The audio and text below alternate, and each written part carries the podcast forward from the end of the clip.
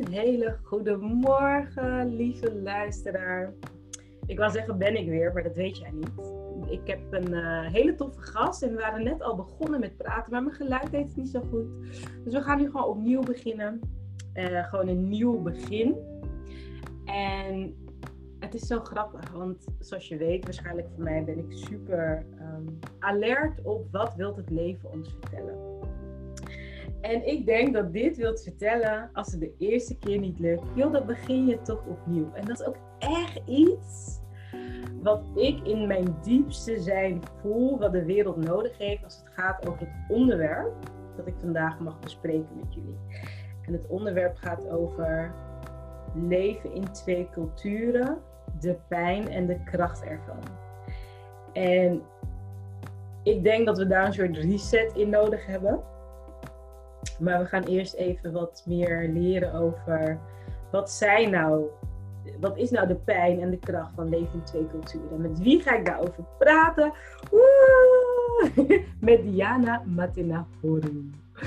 Diana ken ik nu zo'n vier maanden. Vier maanden geleden op Vrouwendag om precies te zijn. Toen uh, had ik een online sessie over vrouw zijn en je leven inrichten op een manier zoals jij dat wilt. Ik had stap drie uit mijn boek um, met ze besproken en de oefeningen hadden we samen gedaan van wat wil je nou? En Diana was erbij en we gingen dansen. En ja, ik, ik vind Diana een hele sterke vrouw en bijzondere vrouw. A, omdat ze zegt ik ben een coach voor migrantenvrouwen.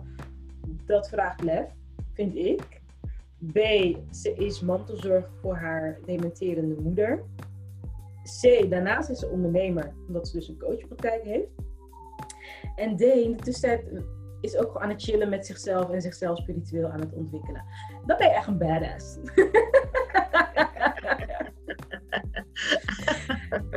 ik vind dat zo tof, hoe je, hoe je gewoon daar je, je, je weg in vindt. En ja, ik ben echt verliefd op, jou, op jouw werk, op jouw boodschap, op datgene wat je onder de aandacht wil brengen. Ehm, ik heb een tijdje geleden gesproken voor de Molukse Vrouwenraad. Jij bent van Molukse afkomst. En volgens mij was je net een week in mijn community toen ik dat ging doen. Ik dacht, het is geen toeval. Nee. Het is geen toeval. En de overeenkomst uh, tussen jouw cultuur en mijn cultuur heeft mij ook heel veel inzicht gegeven en heel veel geleerd. Dus ik dacht, ja, weet je, dit is een onderwerp wat niet vaak besproken wordt, maar zoveel invloed heeft, dat ik echt blij ben dat jij en ik hier vandaag zijn en onze luisteraars bewust kunnen maken van het belang van erkennen van je migratieachtergrond. En hoe je dat eventueel krachtig kunt inzetten. Dus uh, we gaan gewoon lekker gesprek in. Ik wil jou beter leren kennen. Ik heb twee vragen via Instagram gekregen. ik had aan mijn volgers gezegd, joh, ik ga uh, hierover spreken. Heb je vragen? Um, we go with the flow. Maar laten we eens beginnen bij jouw begin, Diana. Waar stond jouw wieg? dankjewel voor eh, de uitnodiging eh, als eerste. Uh, mijn wieg staat in Den Bosch. Ik ben van Molukse afkomst. En mijn wieg staat in Den Bosch. En dat was een hele uh, bijzondere. Want in, ik ben in 1959 geboren. Dat is dus 61, bijna 62 jaar geleden. En mijn moeder was niet getrouwd met mijn vader. Dus dat was echt een drama. Oh. Dat, dat is echt, weet je, dat verhaal, ik was er zelf bij, maar dat gaat zo in de geschiedenis van mijn familie door. En uh, ze waren niet getrouwd. Wel bijzonder was, mijn moeder die werkte als onderwijzeres. Zij is de eerste Molukse uh, onderwijzeres uh, in Nederland. Tenminste, hier gestudeerd. Er was wel een andere, maar die had in Indonesië gestudeerd. En uh, zij woonde op kamers, notabene. Op de een of andere manier, deze sterke vrouw heeft dat voor elkaar gekregen dat zij op kamers mocht. En uh, ze woonde uh, in Den Bosch en mijn vader woonde in Vught. En ehm, op een dag, ze had al last van buikpijn. Op een ochtend zeiden ze van, nou laten we naar de huisarts gaan. En eh, bij de huisarts ben ik geboren. Wat? Ja. Dus op de dag dat zij erachter komt dat je er bent, was je er ook meteen? Ja, ja, ja. Ze ging er naartoe, klaagde over buikpijn en de arts had gezegd... Um, meisje, jij gaat bevallen. Nou, je kunt je voorstellen dat haar wereld instortte. Hoe moet ik dit mijn familie vertellen? En dat was een hele drama. Zij was, uh, de, ondertussen binnen de Molukse samenleving was zij best wel bekend. Want mijn opa, haar vader, die was een bekende man. Mhm. En mijn vader was maar een gewone fabrieksarbeider. Oh, echt zo'n love story van tv. Ja, ja, ja, ja. Wauw. Ja, dus dat was, um, dat was mijn start. En jij was dus haar eerste kind ook? Ik ben haar eerste kind. Ik ben het uh, tweede kleinkind, maar ik was wel het eerste kleindochter van mijn opa en oma van moeders kant. Mm De eerste kleinkind van mijn vaders kant. Dus uh, dat was revolutionair in die tijd. En uiteindelijk zijn ze getrouwd, uh, even in het kamp Vught gewoond. En dat was een afschuwelijke kamp. Er is een uh, documentaire geweest in het kader van 70 jaar Molukkers in Nederland. Daar lieten ze de beelden zien. Ik heb nichtjes en neefjes die zeiden van, hebben jullie daar gewoond? Kan jij je dat nog bewust herinneren? Nee, niet als kind, maar mijn opa en oma van vaderskant die waren daar nog. Dus als tiener ging ik daar ook wel eens naartoe. En ik vond het afschuwelijk, echt afschuwelijk. Wow. Van, uh, de Joden hadden daar gewoond voordat ze vertrokken naar uh, vernietigingskampen. De NSB'ers hebben daar nog gewoond. Het was echt, echt afschuwelijk. Maar er was wel heel veel um, verbondenheid. Want we waren daar alleen maar met Molukkers. Mm, onderling, met elkaar ja. verbondenheid. Ja. ja. Ja, dus als kind, als ik daar, ik heb daar geen herinnering meer aan, maar heel veel die daar wel herinnering aan hebben, die zeggen ook van, ja, maar het was zo leuk. Want we, we liepen bij elkaar in en uit. Uh, je hoefde nergens bang voor te zijn, want uh, iedereen lette op elkaar. En um, ja. Wat het bij mij oproept, is, het komt een woord in me op, culturele veiligheid. Ik weet niet of dat bestaat. Maar ik, ik, ineens denk ik, ik snap dat. Omdat ik ook een worsteling eigenlijk altijd al geworsteld. Maar pas de afgelopen drie jaar bewust van ben geworden. Er is vanuit mijn Capriaanse roots een bepaalde culturele veiligheid. Hè? Samen, wij gingen samen naar de kerk. Wij gingen samen naar feestjes. Wij uh, luisteren bepaalde muziek. Dus dat geeft een bepaalde gevoel van saamhorigheid en daardoor ook veiligheid.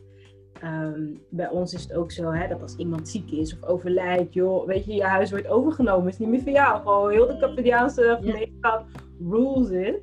Maar het geeft wel een bepaald gevoel van veiligheid en saamhorigheid. Aan de andere kant is die worsteling, ook benieuwd hoe dat in jouw verhaal en op jouw pad is, van uh, maar moet het wel zoiets van, ik wil dat je in deze maatschappij slaagt. En dat was ook een soort van daarbuiten, weet je wel. Dus je hebt dit, gezellig samen. Maar ik wil dat je slaagt, dat je goed je best doet. Ehm, dus heel erg gestimuleerd om, om te presteren en omhoog in die ladder, zeg maar, op die ladder te komen. Ehm, en dat waren twee werelden of zo.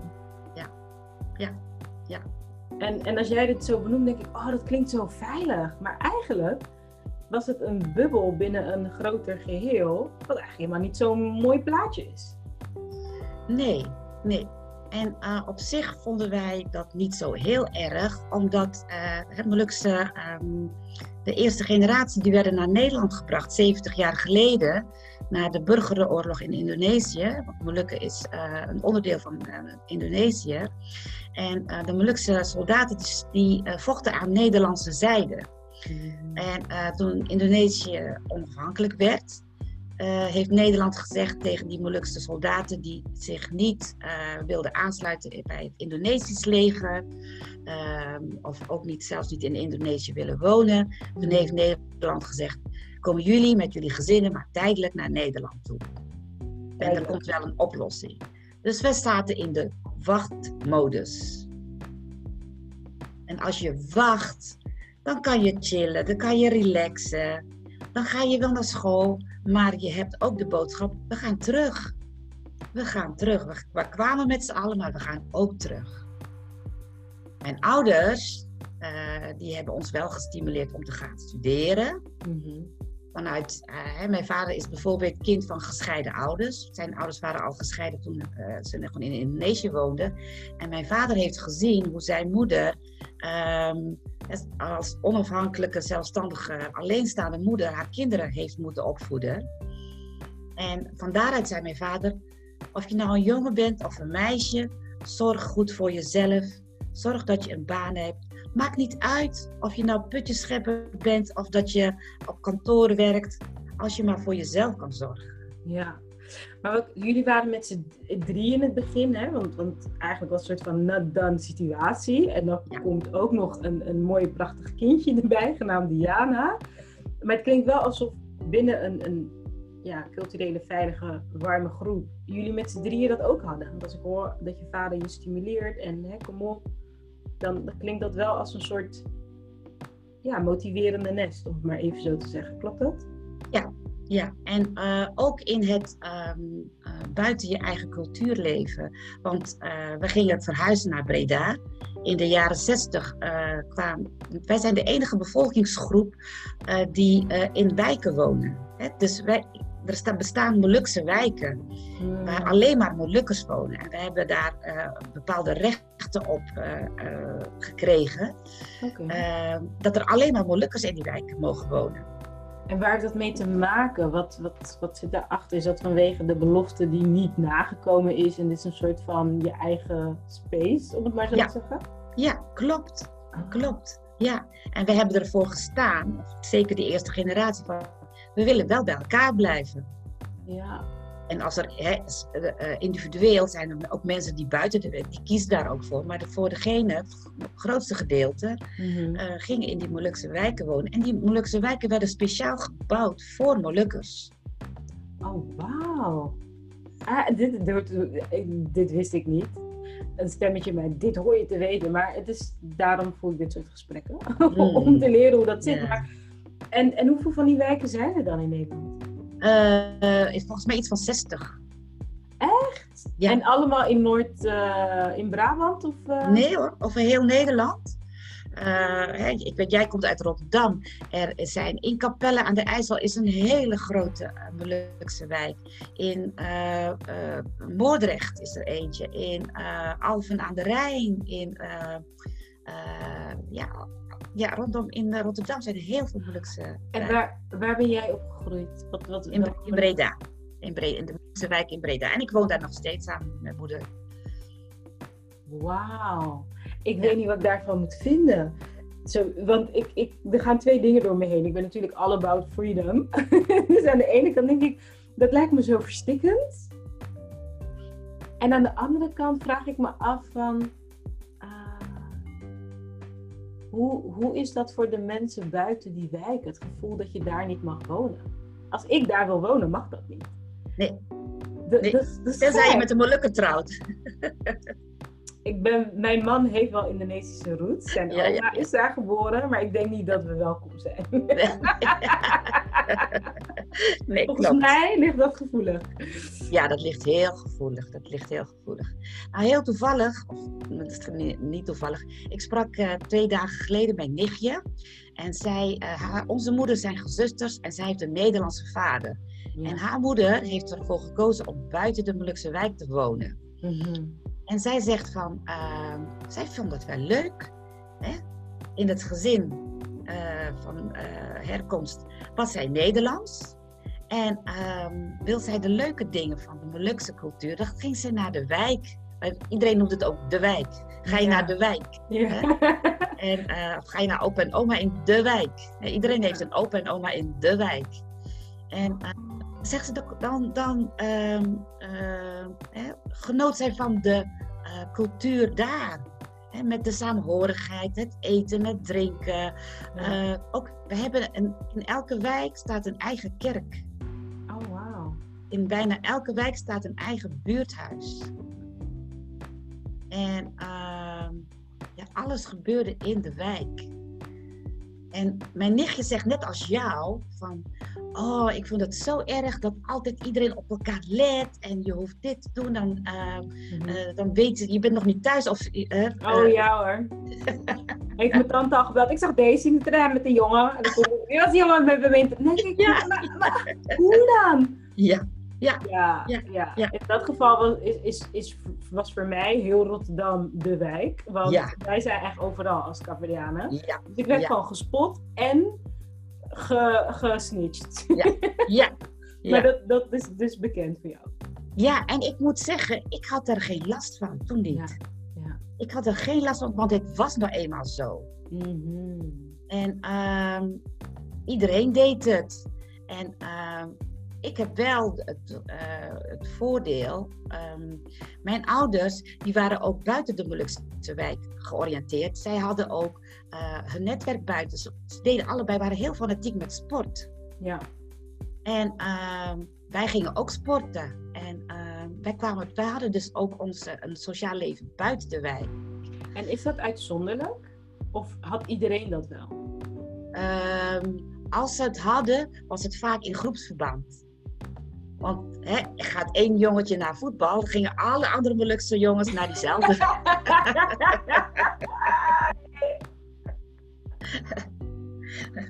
Oké.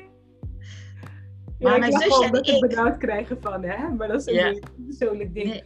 en, dan, en dan krijg je dus allemaal ook weer dezelfde vrienden. Ja, dan krijg je allemaal dezelfde vrienden. En dan ga je uit en dan kan je elkaar weer tegen. Dan ken je elkaar. Ik ken Hollandse mensen die spreken onze taal alsof ze hier in de wijk wonen. Wauw. Ja, dat is, dat is echt heel bijzonder. Een Marokkaanse uh, gezin die woonde in de buurt van de Molukse wijk. Die waren altijd welkom. Die spreken onze taal. Dat is gewoon, dat is gewoon echt top. Ja. ja. En hoe was het voor jou? Had jij, je zegt van toen niet, hè? je was dus gewoon oké, eh, dit is mijn wijk en, en ja, het is gewoon zo. Heb je wel eens momenten gehad dat je dacht, ik wil, uh, want jouw zus die is, die is, met een Nederlandse man getrouwd, die is, die is dus buiten tante, de mijn tante. Ja, die is buiten de wijk gaan wonen. Ja, ja. Heb jij ook wel eens momenten gehad dat je daarover nadacht? Of was dat gewoon voor jou nooit een optie? Nee, uh, als ik dan naar mijn tante ging, dan zag ik dat weer. Hè? Ook buiten de wijk wonen. Oh ja, oké. Okay. Uh, eh, maar ik miste dat veilige gevoel, wat jij even zei. Dat miste ik wel. Als ik s'avonds uitging en ik kwam thuis, als ik de wijk al zag van verder, denk ik, oh ja, ik voel me veilig. Ja, ik vind het echt bijzonder, want ik wil, ik wil graag um, met jou duiken in het gevoel van veiligheid. Hm? Uh, en eigenlijk ook het gevoel van thuis. Want ik kan me voorstellen dat, dat je zegt, ik ga uit en ik, ik kom bijna bij de wijk. Die veiligheid is misschien ook een thuisgevoel. Hmm. Ik voel bij mezelf een bepaalde pijn meteen ook opkomen, omdat ik denk, waar heb ik dat dan? Want wij als Caverdiaanse migranten hebben niet, nou ja, ik, ik weet in Rotterdam woonden wij wel heel veel toevallig in de buurt van Delfshaven, Spangen en Noord vroeger. Nou, in, inmiddels is we are all over the place, weet je wel. Ja. Dus we, het was wel behoorlijk gecentreerd, omdat, nou ja, ons kent ons, je helpt elkaar, maar dat was volgens mij ook vanuit de overheid zo geregeld. Um, maar het, het, was niet echt ons wijk. Dus dat gevoel van ons, uh, in de kerk hadden we dat wel, of uh, we hadden ook Capverdiaanse uh, voetbal, ah, ja. evenementen, waar, waar, mijn vader ook een hele grote rol in speelde. Um, dus er was wel veel van ons. Maar ik ken dat gevoel niet van ons plek. Ah. Ik merk ook dat het me raakt. Weet je, ik zeg, oh, dat voel, denk ik. En dat is heel gek wat ik nu zeg, maar het moment dat ik dat had. Ik heb op mijn 23ste een jaar in uh, de Verenigde Arabische Emiraten gewoond. En ik woonde in Abu Dhabi. En dan ging ik een weekendje naar Dubai. En dacht ik echt, oh, ik kan niet wachten tot ik weer thuis ben. Dus, dus dat gevoel had ik daar. Van, mm. Dubai was heel druk, veel culturen. Van, en Abu Dhabi is meer traditioneel. Ik voelde daar ook gewoon veel meer rust. En daar ben ik me bewust van dat idee van, ik kom weer thuis. Terwijl als ik uitga in Amsterdam of in uh, Antwerpen, wat ik graag deed, en ik kom naar Rotterdam, ja, dan was het gewoon Rotterdam. Denk ik, oh, dat is gek. Hè? Je maakt me daar niet bewust van. Van, hé, hey, wanneer heb ik nou dat gevoel gehad van, ik kom thuis. En is dat iets wat je herkent, misschien ook uit praktijkvoorbeelden van vrouwen, dat dat echt een rol speelt? Weet je wel? Wat ik erin herken, en zeker bij migrantenvrouwen, uh, wat dat betreft hebben wij als Molukkers wel een uh, unieke, uh, veilige plek. En niet iedereen zal dat zo ervaren zoals ik dat heb ervaren. Mm -hmm. um, maar een veilige plek na een migratie is zo belangrijk. En als je dat niet voelt, als je dat niet hebt, of dat de omstandigheden maken dat je dat niet krijgt, uh, dan voel je, kan je nergens wortelen. Dan kan je nergens. Ja. En um, ja, ik zag dat, hè, ik heb dan 30 jaar in een opvanghuis voor uh, gezinnen met huiselijk geweld uh, gewerkt. En ehm, weet je, dan val je gauw om als je geen veilige plek hebt, als je geen veilige netwerk hebt, als je geen veilige. Alleen dat gevoel alleen al. Mm-hmm. Als jij dat zo zegt, van dat jij dat nooit gehad hebt, dan denk ik, ah, weet je, want het is zo fijn. Ja, nee, mijn, mijn energie was altijd, um, um, ja, hoe zal ik het zeggen? ik ben echt een soort van reiziger puur zang, weet je wel. Altijd onderweg en als klein meisje ging ik op het podium staan en dan ging ik dansen en dan ging ik optreden en ik was bezig met mijn school en ik was bezig met de kerk. En ik was, dus ik was altijd bezig, een soort van vlinder, continu. Weet je wel. En nu denk ik, ja, misschien was dat eigenlijk ook wel een. En dan ben ik benieuwd naar wat, wat jij zegt. Hè? Het uitzicht op verschillende manieren. Misschien is het ook een uiting van mhm. op een diepere laag onder de ijsberg een gevoel van niet geworteld zijn. En dat uitzicht op verschillende manieren. Dus ik ben heel benieuwd welke link je ziet tussen je niet geworteld voelen en bijvoorbeeld wat er in een centrum voor uh, gezinnen met huiselijk geweld gebeurt. Mm. Zit daar een link in? Hmm.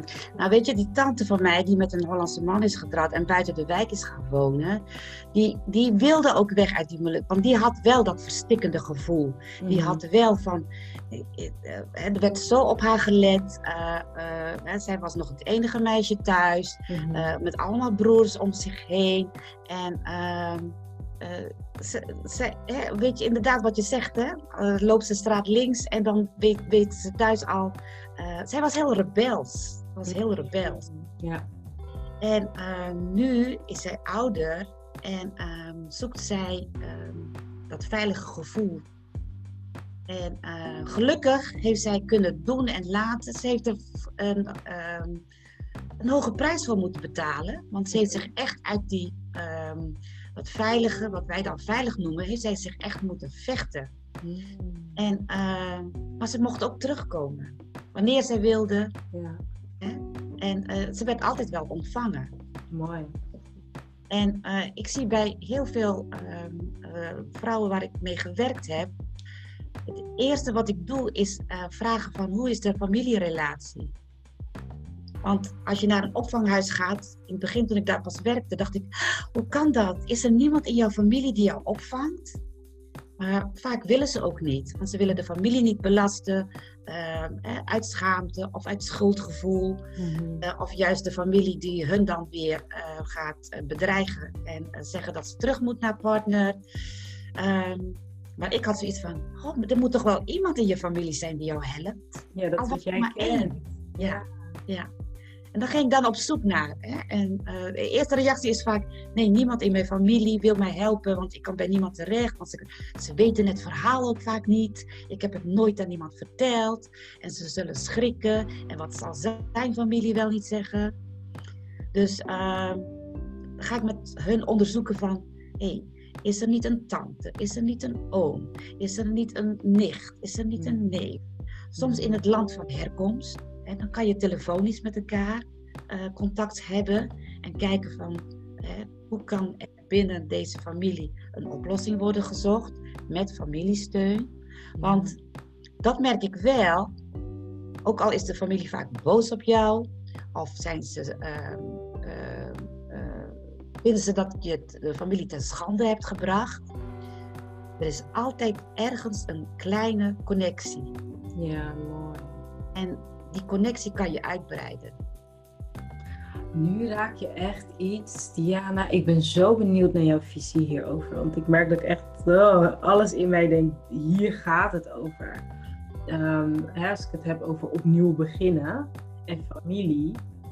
Zoals je weet ben ik zelf heel gelovig. Dus ik geloof, hè, we zijn allemaal kinderen van God, dus we zijn allemaal broeders en zusters. Ik geloof in die eenheid.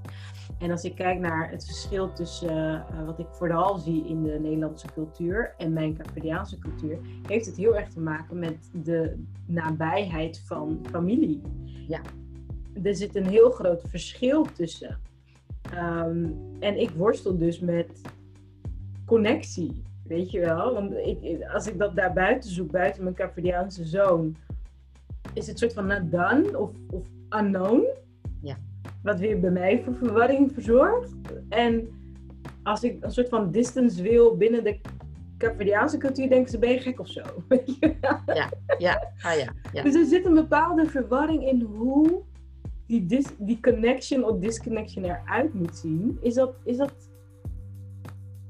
is dat, is dat een ding? ja, nou, wat je zegt, hè, want uh, hè, wat je dan zoekt, hè, wat ik dan ook. Uh, ik zoek het niet binnen mijn uh, Molukse samenleving, maar wel binnen mijn familie, die connectie. Mm-hmm. En binnen de Molukse samenleving uh, weet ik dat die afstand er wel is. Mm. He, want he, sociale controle is, he, dat kan verstikkend zijn. En uh, de ontwikkelingen zijn ook zo dat wij nu ook wat meer ik-gericht zijn. Juist, ja, de ik versus wij is het eigenlijk, ja. hè? Ja. ja, En het is voor mij een, uh, een zoeken naar hoe kan ik die twee voor mij in mijn dagelijks leven, hoe kan ik dat integreren? Ja.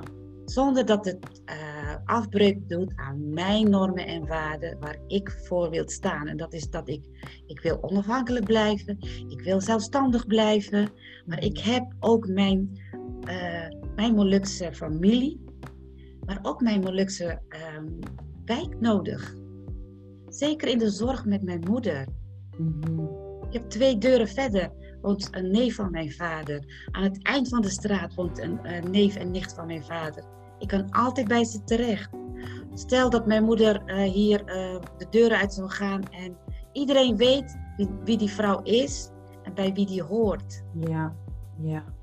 Dit is zo mooi, want ineens besef ik dat, dat hè, ik zeg net, oh dat voelt zo verstikkend. Komt dus omdat ik toch heel erg dat ik gevoel voor opzet, dus blijkbaar.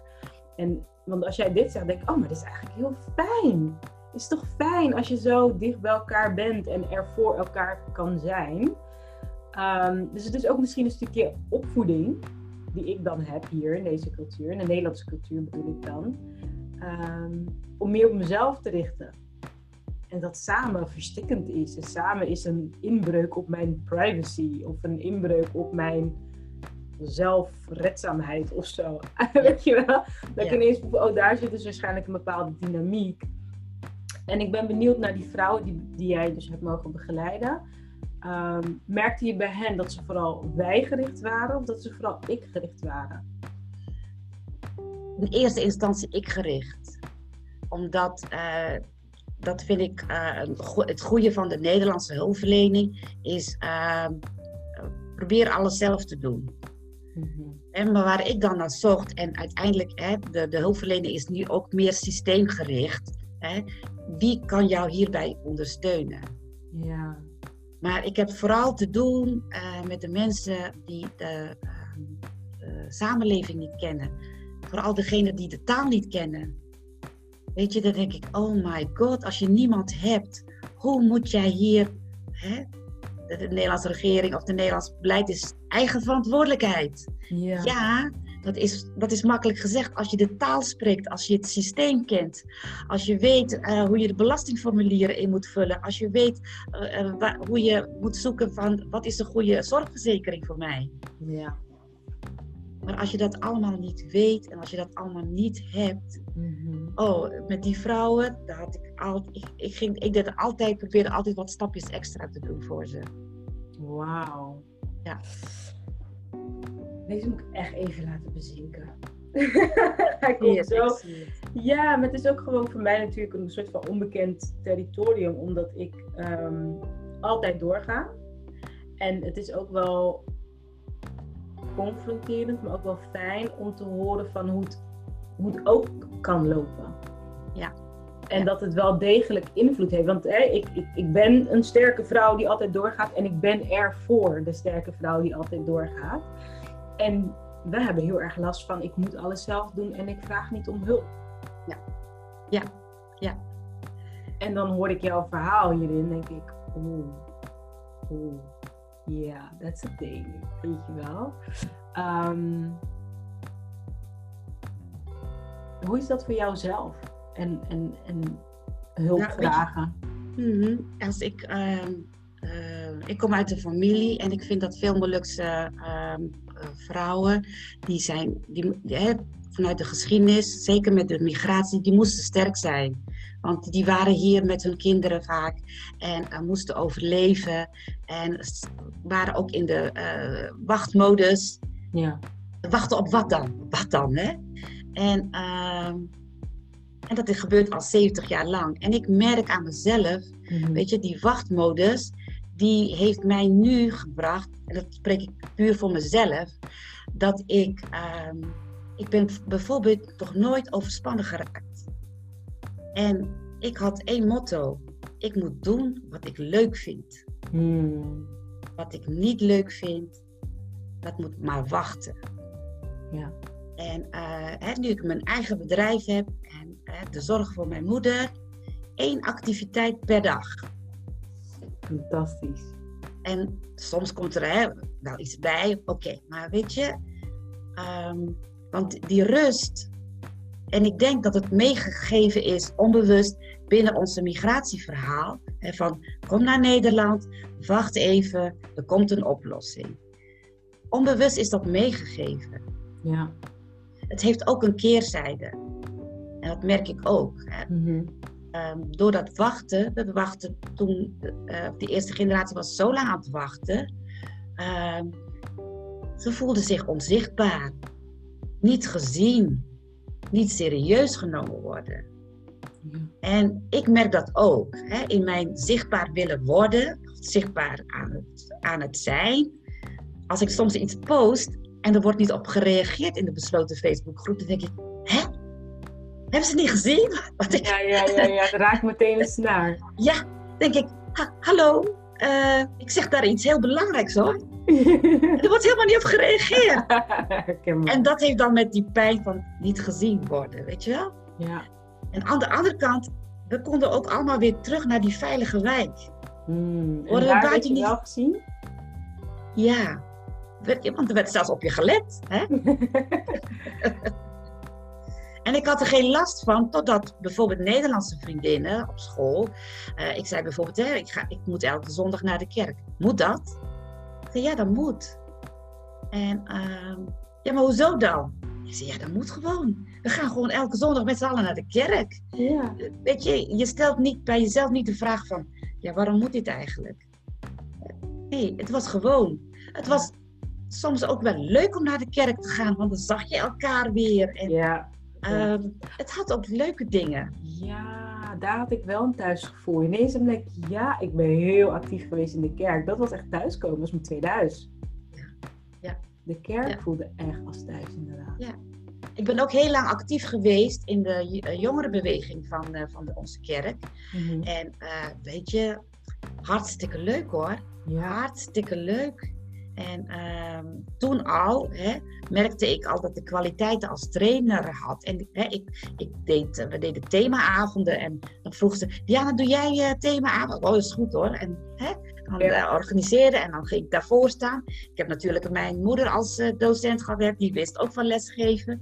Mijn opa was ehm dominee. En, eh, Oh. dus hè, ja, daarvoor staan was voor mij eh, was een mooie podium eh, wat ik kreeg. En eh, in mijn bagage had ik al een aantal eh, kwaliteiten en tool- tools, zo'n tijd, ehm, die ik zomaar heb gekregen. Nou, Diana, ik weet niet of het zomaar is. Ik denk dat het een. Ik geloof in het plan van God. dat je gewoon voorbereid bent op je, op je levensdoel, op, op wat je hier komt doen. Want, en in de kerk en vervolgens 30 jaar uh, met vrouwen huiselijk geweld uh, hebben meegemaakt. En nu dan echt um, ja, vrouwen met een migratieachtergrond die dan in het dagelijks leven vastlopen. Um, ik ben eigenlijk wel heel erg benieuwd hoe je daar bent gekomen waar je nu staat. Van, dat je de keuze hebt gemaakt voor deze doelgroep. Wat, wat heb je gezien? Of wat wil je anders zien? Waardoor je zegt, ik word die coach. Ja, eigenlijk was het, uh, want ik heb ook in het leven met twee culturen, hè, ook al heb ik uh, in mijn, zeker in mijn tienertijd in de Molukse wijk, heb ik een, uh, daar denk ik alleen met warme gedachten naar terug. Mm-hmm. En ehm, ik zag de worstelingen tijdens mijn werk met uh, migrantenvrouwen. Maar persoonlijk had ik ook een worsteling. Ik werd verliefd op een man die, uh, waarvan uh, mijn familie het niet goed vond. Mm. Ik wist dat de hele Molukse samenleving over ons zou vallen. Ja. En ehm, ik heb toen wel gekozen voor mezelf. Ik heb gekozen voor de liefde. Maar weet je, um, dat heeft mij um, doen inspireren om, um, als mensen het zo moeilijk vinden om uh, die twee culturen uh, toch te proberen te verenigen.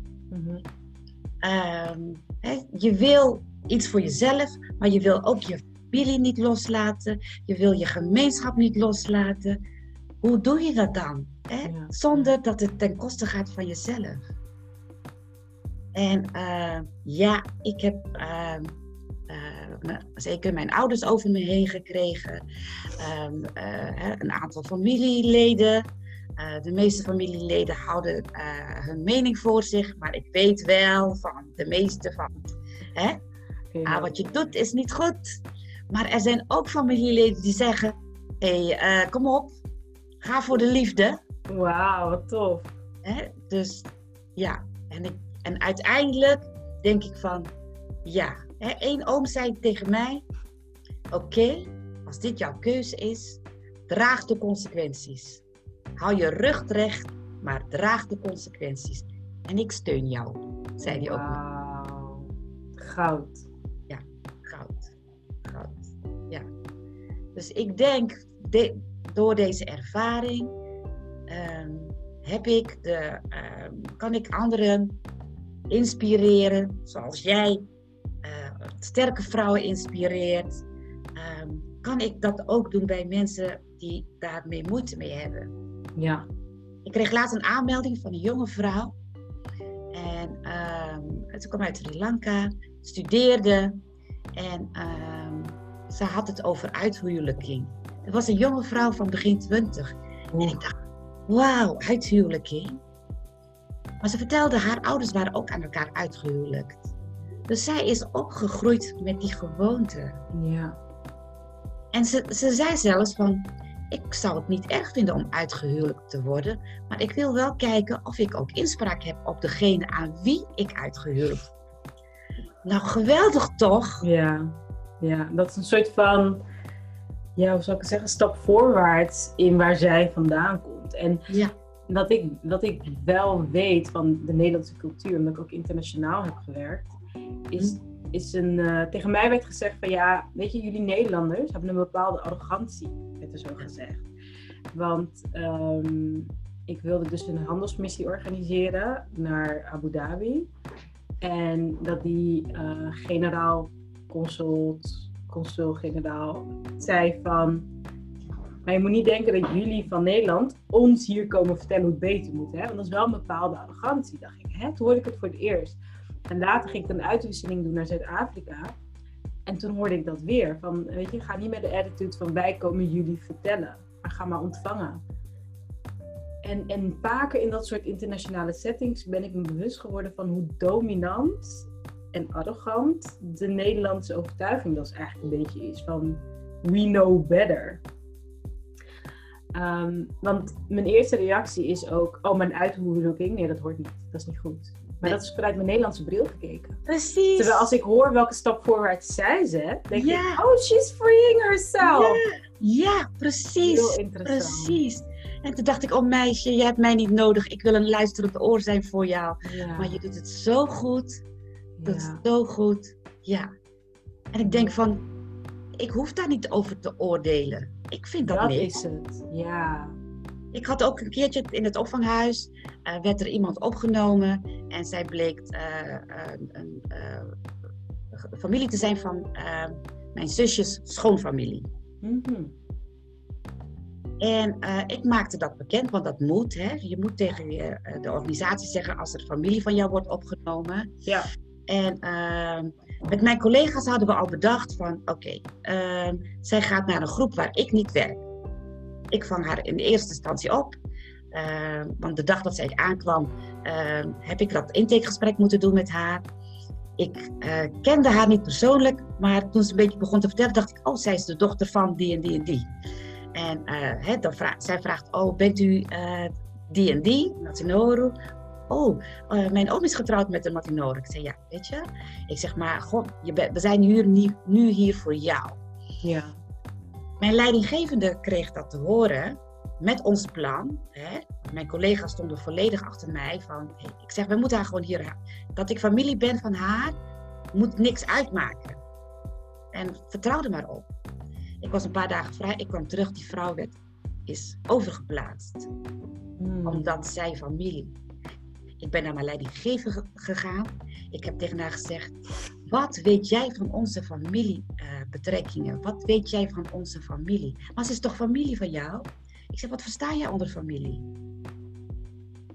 Ik zeg, welke inderdaad arrogantie heb jij tot jou genomen om ons dan hè, Mhm. haar door te verwijzen. Terwijl ik heel waardevol voor haar kan zijn. Niet direct, maar ik kan mijn eh, eh, collega's coachen in hoe met haar om te gaan. Als dat hè, anders is dan bij anderen. Ja. Maar inderdaad, die Hollandse arrogantie. Oh, ik vond het echt een openbaring. Want ik, ik, eh, daarin moest ik ook gewoon. Hè, soms in verschillende situaties word ik niet als Nederlander gezien. Maar daarin, I'm like, ik hoor daarbij. Weet je, ik ben er echt mee geconfronteerd. Van ja, dat, dat is gewoon hoe ik ben ehm, Eh, even denken hoor, jij zei iets. En toen dacht ik, hé, hey, dat had ik een vraag over je Instagram. Eh, de vraag die ik kreeg is: hoeveel verandert de soulcultuur? En dat, dat voor mij gaat het echt over de familie, hè? door de waar je woont cultuur. Dus hoeveel Ja, dat- verandert dat- de soulcultuur door de waar je woont cultuur? Ja, ja. Nou, weet je, we hadden net even over hè, in de Molukse wijk wonen of buiten de Molukse wijk wonen. En ehm, ehm, ik weet niet waar ik dat gesprek ergens had. Ehm, oh ja, laatst in onze community van hè, we wonen wel hier, maar als we teruggaan naar het land van herkomst, dan zijn wij daar ook toerist. Dan zijn we daar hè, de buitenlander. Ja, precies. Ja, en ehm, iemand vroeg laatst aan mij van, ehm, voel jij je Molukker?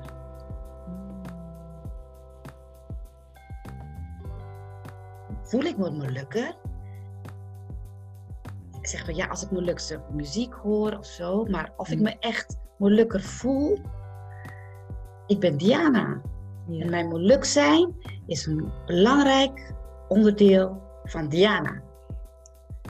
En mijn Nederlands zijn, met wat ik hier doe, dat is ook belangrijk.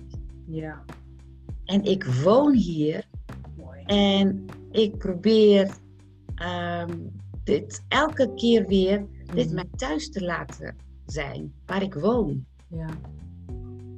En ik denk als je gaat migreren, stel je voor als ik morgen eh, ehm, naar Amerika zou mi- emigreren bijvoorbeeld, dan ga je dat daar ook doen.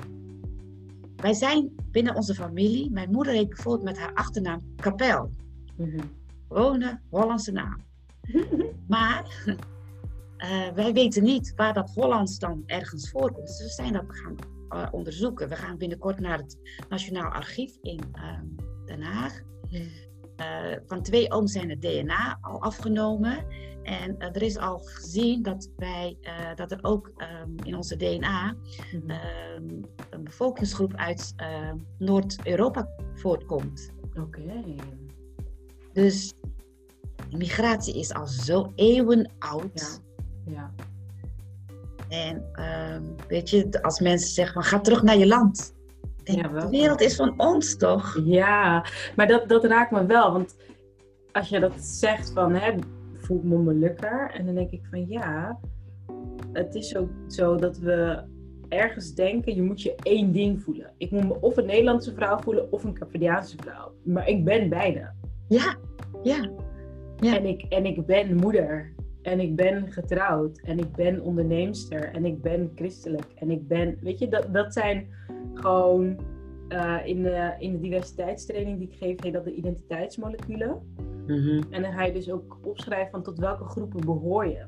Ja, en dan zie je van, ik behoor tot meerdere groepen. En een mooie vervolgvraag op die uh, oefening is van, uh, voor welke heb je gekozen en welke heb je gewoon meegekregen? Like, ik ben vrouw. Ja.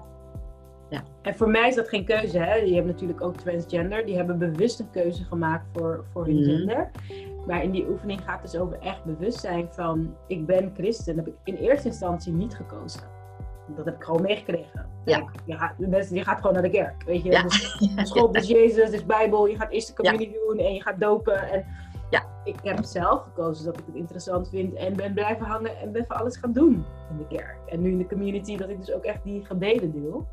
Niet vanuit een religieuze uh, achtergrond mm. overigens. Maar die bewustzijn dat we niet tot één groep behoren geeft mij rust, werk ik. Want ik krijg soms het gevoel van, ja, ik moet of zeggen, ik ben heel die, ik ben echt die Caverdiaanse vrouw. En daar moet ik voor gaan staan. Ja. En dan sluit ik dus al een deel uit. Of ik zeg, ja, ik, hè, en bij mij is het niet eens, ik ben een Nederlandse vrouw. Nee, ik heb de Nederlandse nationaliteit. Dat is hoe het meer voelt voor mij. Ik heb de Nederlandse nationaliteit. Ja. Ja. En dit is waar ik ben geboren. Dus dat heeft mij gevormd. Ja. Op ik ben niveau voel ik me wel meer een Caverdiaanse vrouw. Met de Nederlandse nationaliteit. En ik kan me voorstellen dat als je dus niet zo goed weet tot welke groep je behoort of hoe zich dat verhoudt, dat vrouwen met allerlei uitdagingen worden geconfronteerd. Kan je wat noemen over, als je dat niet op een rijtje hebt voor jezelf, waar je tegenaan kan lopen als vrouw? Ja, weet je, ik, ik, ik, ik was zo verbaasd toen ik met mijn nicht, hè, want zij is dubbelbloed. Uh, ze zegt van ja, dat vond ik zo vroeger zo vervelend als, we, als ze in de familie kwam. Dan zei een van mijn ooms tegen haar: uh, Ben je Nederlands of ben je Molux? En als ze zegt Nederlands, dan was het niks. En als het Molux was, dan was het. Uh, hè? Ja, ja. Zeg, dat wordt, ook, dat wordt door Nederlanders aan mij gevraagd. Waar kom je vandaan oorspronkelijk, of je ouders? Uh, oh, ben je hier in Nederland geboren? Ben je Molux of ben je Nederlands? Weet je, alsof je zo moet gaan kiezen. Juist. Alsof je zo moet gaan kiezen. En ehm, ik vind dat hè, als mensen mij, hè, toen mij die vraag werd gesteld, ben je Molux? Ik vind dat ik mezelf tekort doe als ik daar ja of nee op zeg. Hmm, dat is interessant. Want ik ben zoveel meer dan dat. Ja. Hè, wat jij zegt, hè, al die groepen waar je behoort, mm daar we zijn zoveel meer dan dat. Ja. En we hebben de keuze. Mijn moeder zegt elke keer weer, gisteren was mijn neefje op bezoek en uh, zijn relatie, is 25, zijn relatie is net uit. En uh, toen zei ik tegen hem van, ja, oma heeft altijd gezegd dat zij geen kinderen wilde. Hè? Zegt hij, wilt hij dan niet? Hè? Want hij, hè, hij had met haar een toekomst willen bouwen en dat hoort dan, hè, het, uh, ze wilden gaan samenwonen. En dat is nu even. Dus ik vroeg weer aan mijn moeder. En van vroeger heeft dat altijd gezegd. Als zij mocht kiezen, dan was ze niet getrouwd en had ze niet voor kinderen gekozen. Wauw, dus ze had niet het gevoel dat ze kon kiezen ook? Ze had niet het gevoel dat ze kon kiezen.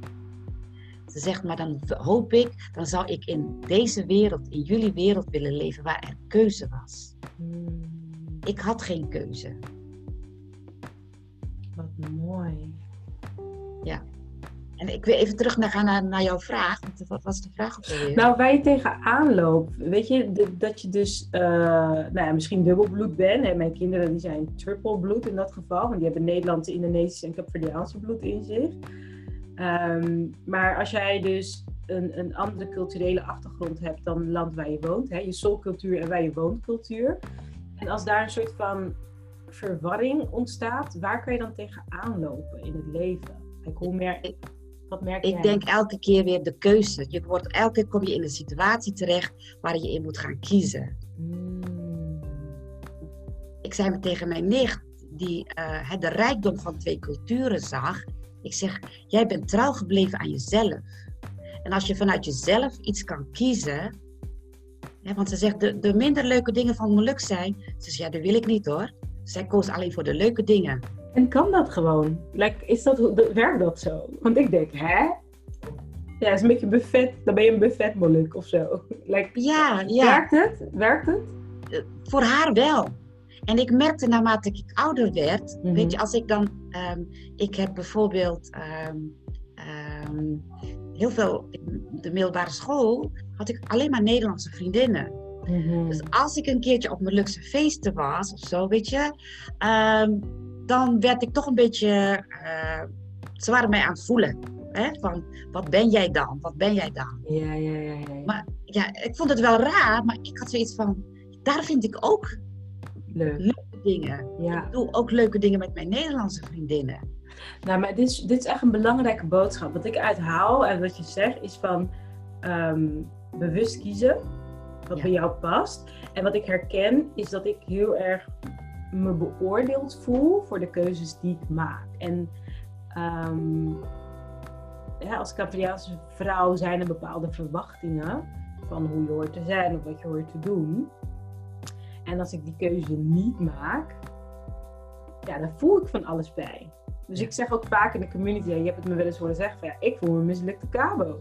Ja, ja, ja. Een hele eigen pad ben gaan wandelen. Maar waarin jij mij dan wel empowert, is dat dat juist de bedoeling is. Kies je eigen pad. En kies van wat vanuit de Cafriaanse cultuur en wat vanuit de Nederlandse cultuur en wat vanuit de deze cultuur, zeg maar even. Ja. Um, dat dat oké, want het voelt niet oké. Ja. Het voelt niet oké. Het voelt als verraad. Het voelt als ehm, ja, dat je de boot mist. Het, het, voelt als verkeerd. En, en dat, is, dat is zwaar. Om met het gevoel rond te lopen van ja, wat ik ook kies, ik word toch ergens dan de uitgeschopt uit een community, weet je wel? Ja. En dat, ja, die, die, dat outcast gevoel herken ik ook wel van veel vrouwen. En ik ben benieuwd, de tweede vraag die ik kreeg via Instagram was... Kun je met twee culturen krachtig in het licht staan of overheerst de een boven het ander? En ik ben echt benieuwd, want dit gaat over mij. Ja. dat, dat, dat gevoel van, ja, kan dat? Kan je met twee culturen zeggen, nou, hier sta ik in het licht? Of is er altijd eentje die meer domineert? Wat is jouw... weet je, ik, heb daar een, ik krijg daar een beeld bij. Hè? Ik sta in het licht en ik heb allerlei tasjes en in de ene tas zit uh, uh, moeilijk zijn, de andere Nederlands zijn. In de andere staat Diana de sportvrouw, de andere is Diana de ondernemer, uh, de, de, de, dochter, de zus, de familielid.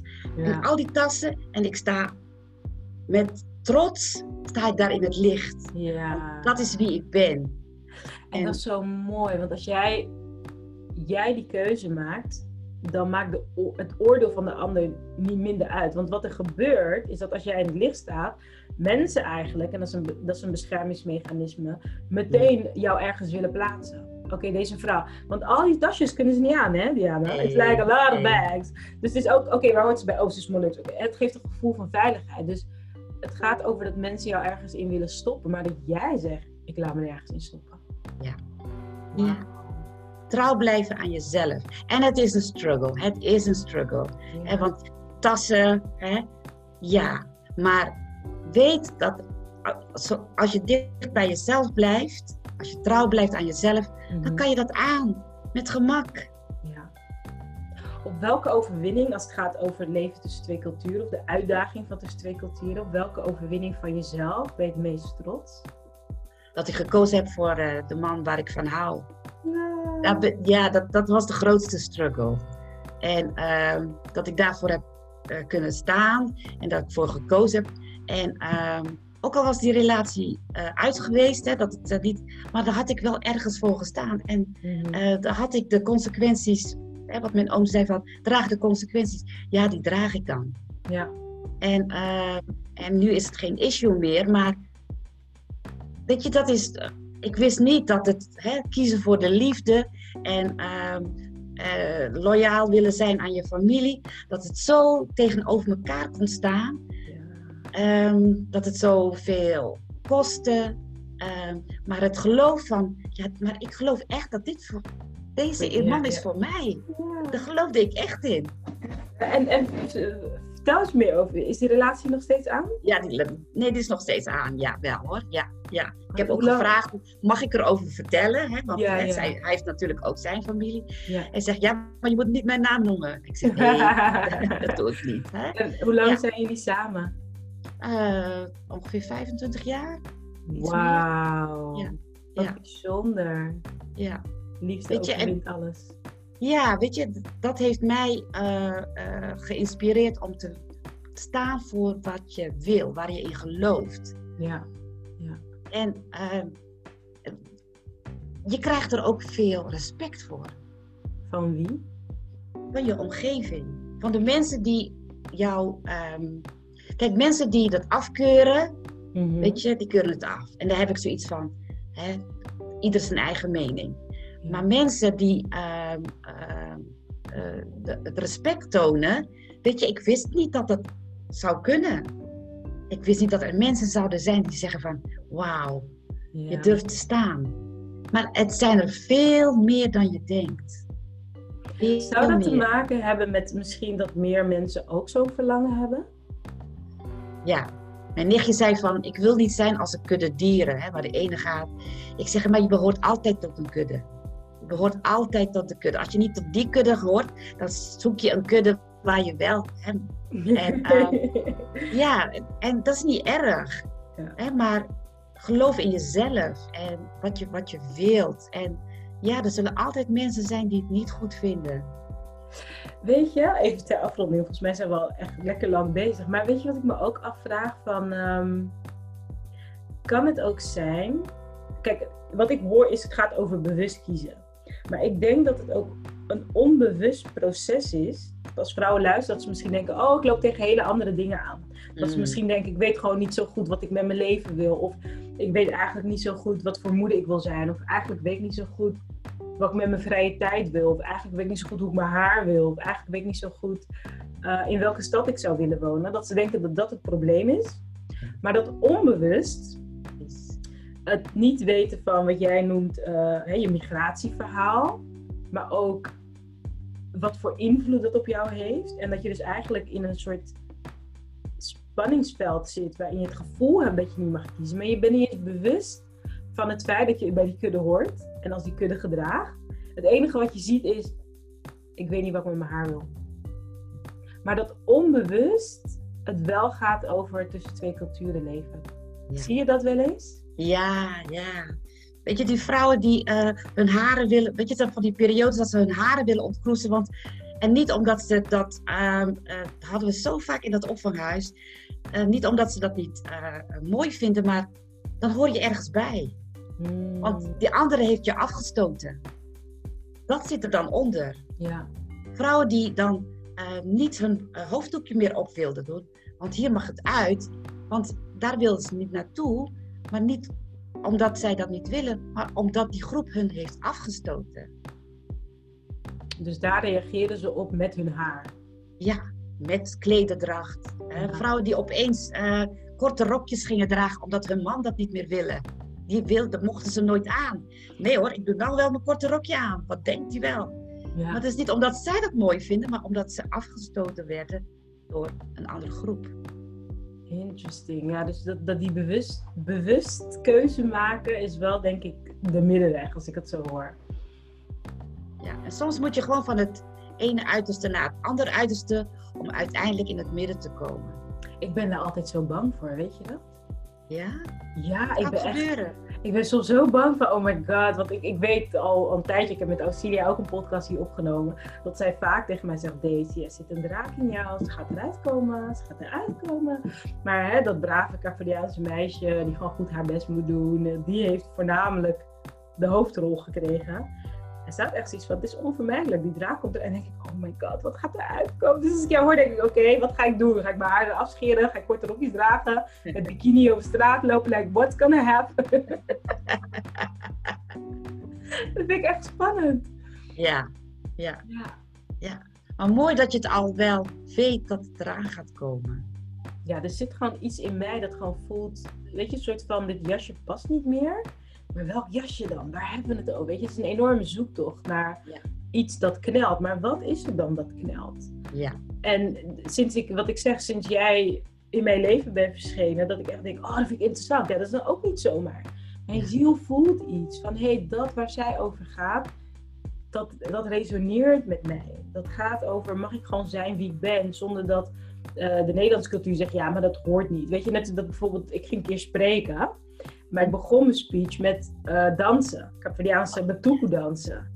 Ik vond dat zo spannend, want ja, dat Ja. hoort niet. Je brengt toch niet je eh, schuddende kont naar een ondernemerssituatie. dat kan toch niet? Ja, maar het hoort bij mij.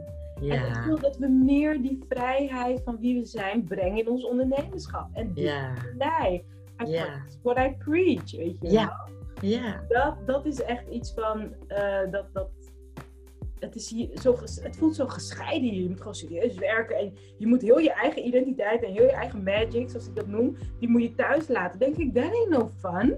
ja, Ik ben ja. hier toch niet om een functie te vervullen voor, weet je, ik ben hier om te leven. Precies, precies. En dat, dat is toch waar we hiervoor op aarde zijn. Ja, Om te leven vanuit, vanuit je hart en eh, het geven vanuit je hart. ja. En eh, ja, dan doe je anders dan wat gewoonlijk is. Maar dan doe jij het omdat je het fijn vindt. Omdat je dat, dat, dat wil uitdragen.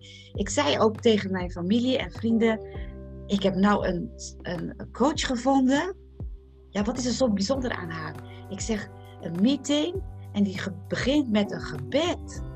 Ik zeg, waar vind ik zo iemand? Ja. Die begint met een gebed. Dat je eerst met elkaar even één wil zijn in gedachten tot God. Voor mij hè, en voor jou Ja. tot God. Ja. En dat vind ik zo bijzonder. Dat is echt, echt bijzonder. Ja, en ik denk dat dat soort bijzondere dingen, hè, want daar gaat heel mijn Magic Leadership ook echt over van, er is iets wat bij jou hoort of wat jou persoonlijk raakt. En als je dat brengt in je werk, want ik vind, we, we scheiden spiritualiteit en werk. Ik vind dat niet kloppen. Het is één. Want vanuit je spiritualiteit kom je de maatschappij dienen. Dat is hoe ik werk zie. Je dient de maatschappij. Helaas werken we om geld te verdienen. Dat is niet hoe ik wer- werk zie. Ik zie werk als vanuit je spiritualiteit kom je de maatschappij dienen. Zodat we als mensheid, eenheid groeien. Mm. En dingen die jou daarin raken, is een sign van hé, hey, dit past bij mij en ik kan dit brengen. Maar vaak vinden we het bijzonder, want ik weet nog de eerste keer dat eh, toen ik in Abu Dhabi eh, woonde en werkte, begonnen ze de conferenties met te citeren uit de Koran. Was er een imam? Ja, ik wist niet wat ik meemaakte. Ik dacht, hè? Wat? Ja. Like, ik zie dat op zondag bij de kerk, maar Ja. niet door de week. In mijn werk, like, die twee komen. Het was echt voor mij was het verwarring in mijn hoofd. ja, Maar ik, ik voelde, ik ben ook gevoelig, ik voelde wat het deed met de ruimte en de zaal en de energie. Van oké, even voordat we zaken gaan doen, even reconnecten. En nu gaan we wat zuiverder en integerder, met meer integriteit, business doen. Ik vond dat zo een mooi fenomeen. Het was echt raar. Nou, Ja. vervolgens laat ik dat los. Ja. En een coach van mij, die begon dus onze coachsessies met een gebed. En ik werd er zo rustig van. Ik dacht echt, Mm. wow, dit is fijn. En één keer was het vergeten, gingen we gelijk coachen. En halverwege ik zeg, sorry, maar ik, het is zo anders. Ik voel me niet gecentreerd. Ik, mijn hoofd gaat elk... Kan je alsjeblieft eerst bidden? En zat echt iets van, oh, heeft het zoveel impact? Nou ja, om dus een paar jaar later zelf, toen corona kwam, toen ehm, vroeg ik van, joh, vind je het goed dat we eerst even bidden? Ik weet eigenlijk ook niet hoe, hoe daar ook ben gekomen. Dat is een ingeving of zo. En daarna ging ik ze vragen, joh, hoe kan ik jullie helpen tijdens deze coronaperiode? En toen zei ze, ja, de gebed was wel fijn. dacht ik, gebed? Huh? Ja, nou, dat vind ik, wel- zou ik wel elke dag mee wakker willen worden. Wat? Ik, ik, nou, dat was voor mij echt raar. Want ik denk, ik heb NLP gedaan, ik heb de work gedaan, ik heb, weet je, mijn cv. Jullie willen vast iets van mijn cv, nee hoor.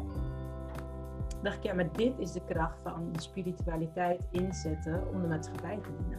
Ja. Dat is wel waar ik naartoe wil. Maar in dat proces is het wel belangrijk om een soort van eenheid in jezelf te vormen. En dat is waar jij natuurlijk over gaat. Van, ja, als je dus vanuit je spiritualiteit iets in de wereld wil zetten, maar ja, je weet niet tot welke groep je behoort, of je voelt je schuldig, of je kan je eigen keuzes maken, of, hè, dan, dan wordt het moeilijk om een eigen keuze te maken.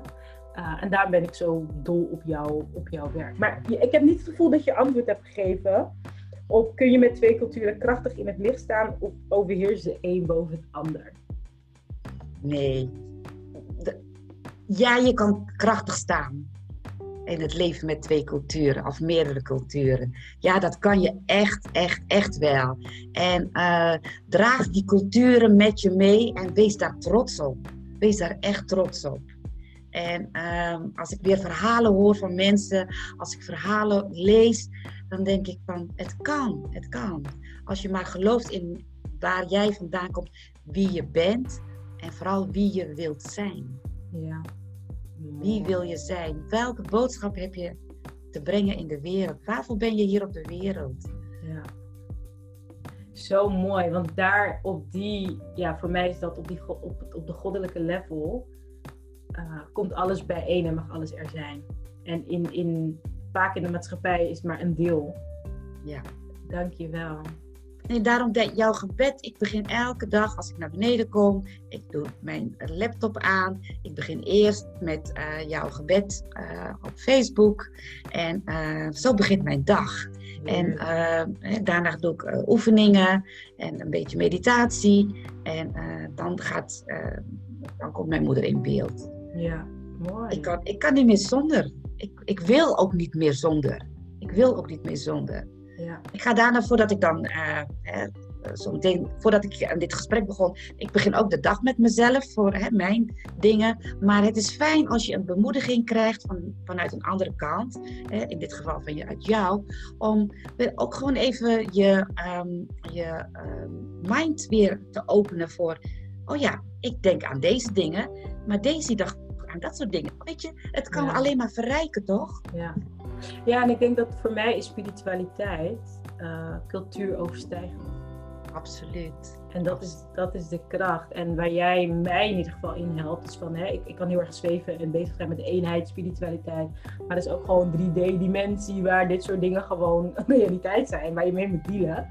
Um, en daar, weet je, dat je handvaten ingeeft. Je gaat in de community praten over grenzen bijvoorbeeld. Weet je, dat is ook zo'n ding van echt leren in je dagelijks leven met die worstelingen om te gaan, zodat je je goddelijke missie kunt leven. Ja. Dat is zo Ja. mooi. Ja, en ik dat vind heb jouw mooi voorbeeld. Ik vind jouw voorbeeld in, in hoe je dus je leven ook vormgeeft. Van hé, hey, er is ruimte voor mij, er is ruimte voor moeder, er is ruimte voor een partner. Uh, en intussen ben je de maatschappij aan het dienen. Als iemand luistert en denkt, hmm, ik ben nu eigenlijk ook wel benieuwd hoe mijn migratieachtergrond en verhaal wellicht van invloed is. Hoe kunnen ze jou bereiken? Waar kunnen ze je vinden en volgen? Nou, ik ben op Instagram of LinkedIn te bereiken onder mijn naam Diana Martina Horu. Uh, stuur mij een uh, berichtje, een DM'tje. En uh, je eerste gesprek is vrijblijvend. En mocht je meer nodig hebben, dan gaan we dat samen onderzoeken. Je kunt ook mijn website lezen. www.dianamartinahoru.nl Yes, super tof. Ik wil je echt danken voor de inspiratie. Je bent voor mij een voorbeeld van uh, jezelf helemaal uitdragen met, met alles wie je bent en wat je mee hebt gekregen. Um, en dat daar ook gewoon familie bij hoort. Dat vind ik mooi bij jou. Daar hoort familie bij. En uh, ja, nou ja, we, we zijn connected hè, met je. Ja, ja, dus ja, wij, ja. Uh, wij zien elkaar. Um, voor de luisteraar, als jij nog vragen hebt, stuur ze gerust via DM naar Diana of naar mij. Laat me ook weten wat je mooiste inzicht is. En weet dat je spirit bent. Dat je de culturen die je meedraagt met een intentie, met een hoger doel hebt gekregen. En neem de tijd om jezelf uit te pluizen, zodat je kunt gaan zijn wie je bedoeld bent om te zijn. Dankjewel, Daisy. Oh. Doei, Diana. Dag, Daisy.